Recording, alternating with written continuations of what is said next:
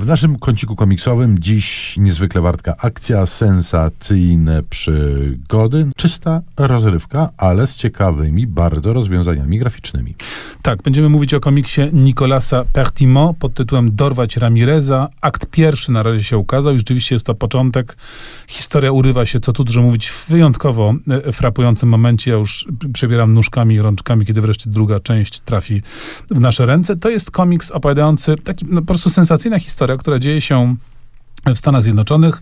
Głównym bohaterem jest y, niemowa, y, taki bardzo spokojny, wyciszony pan, który pracuje w firmie produkującej odkurzacze.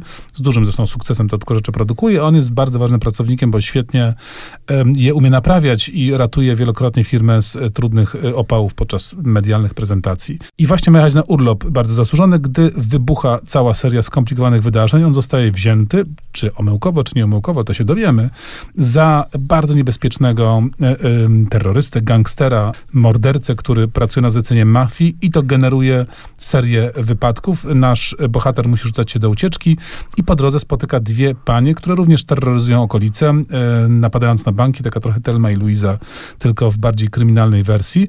I to wszystko narysowane z kapitalną kreską. Album jest dużo formatowy, świetne e, rysunki, które, jeśli mówimy o tle, o tym pejzażu miejskim, są wręcz tak fotograficznie werystyczne, a postaci narysowane taką, z taką komiksową charakterystyczną manierą.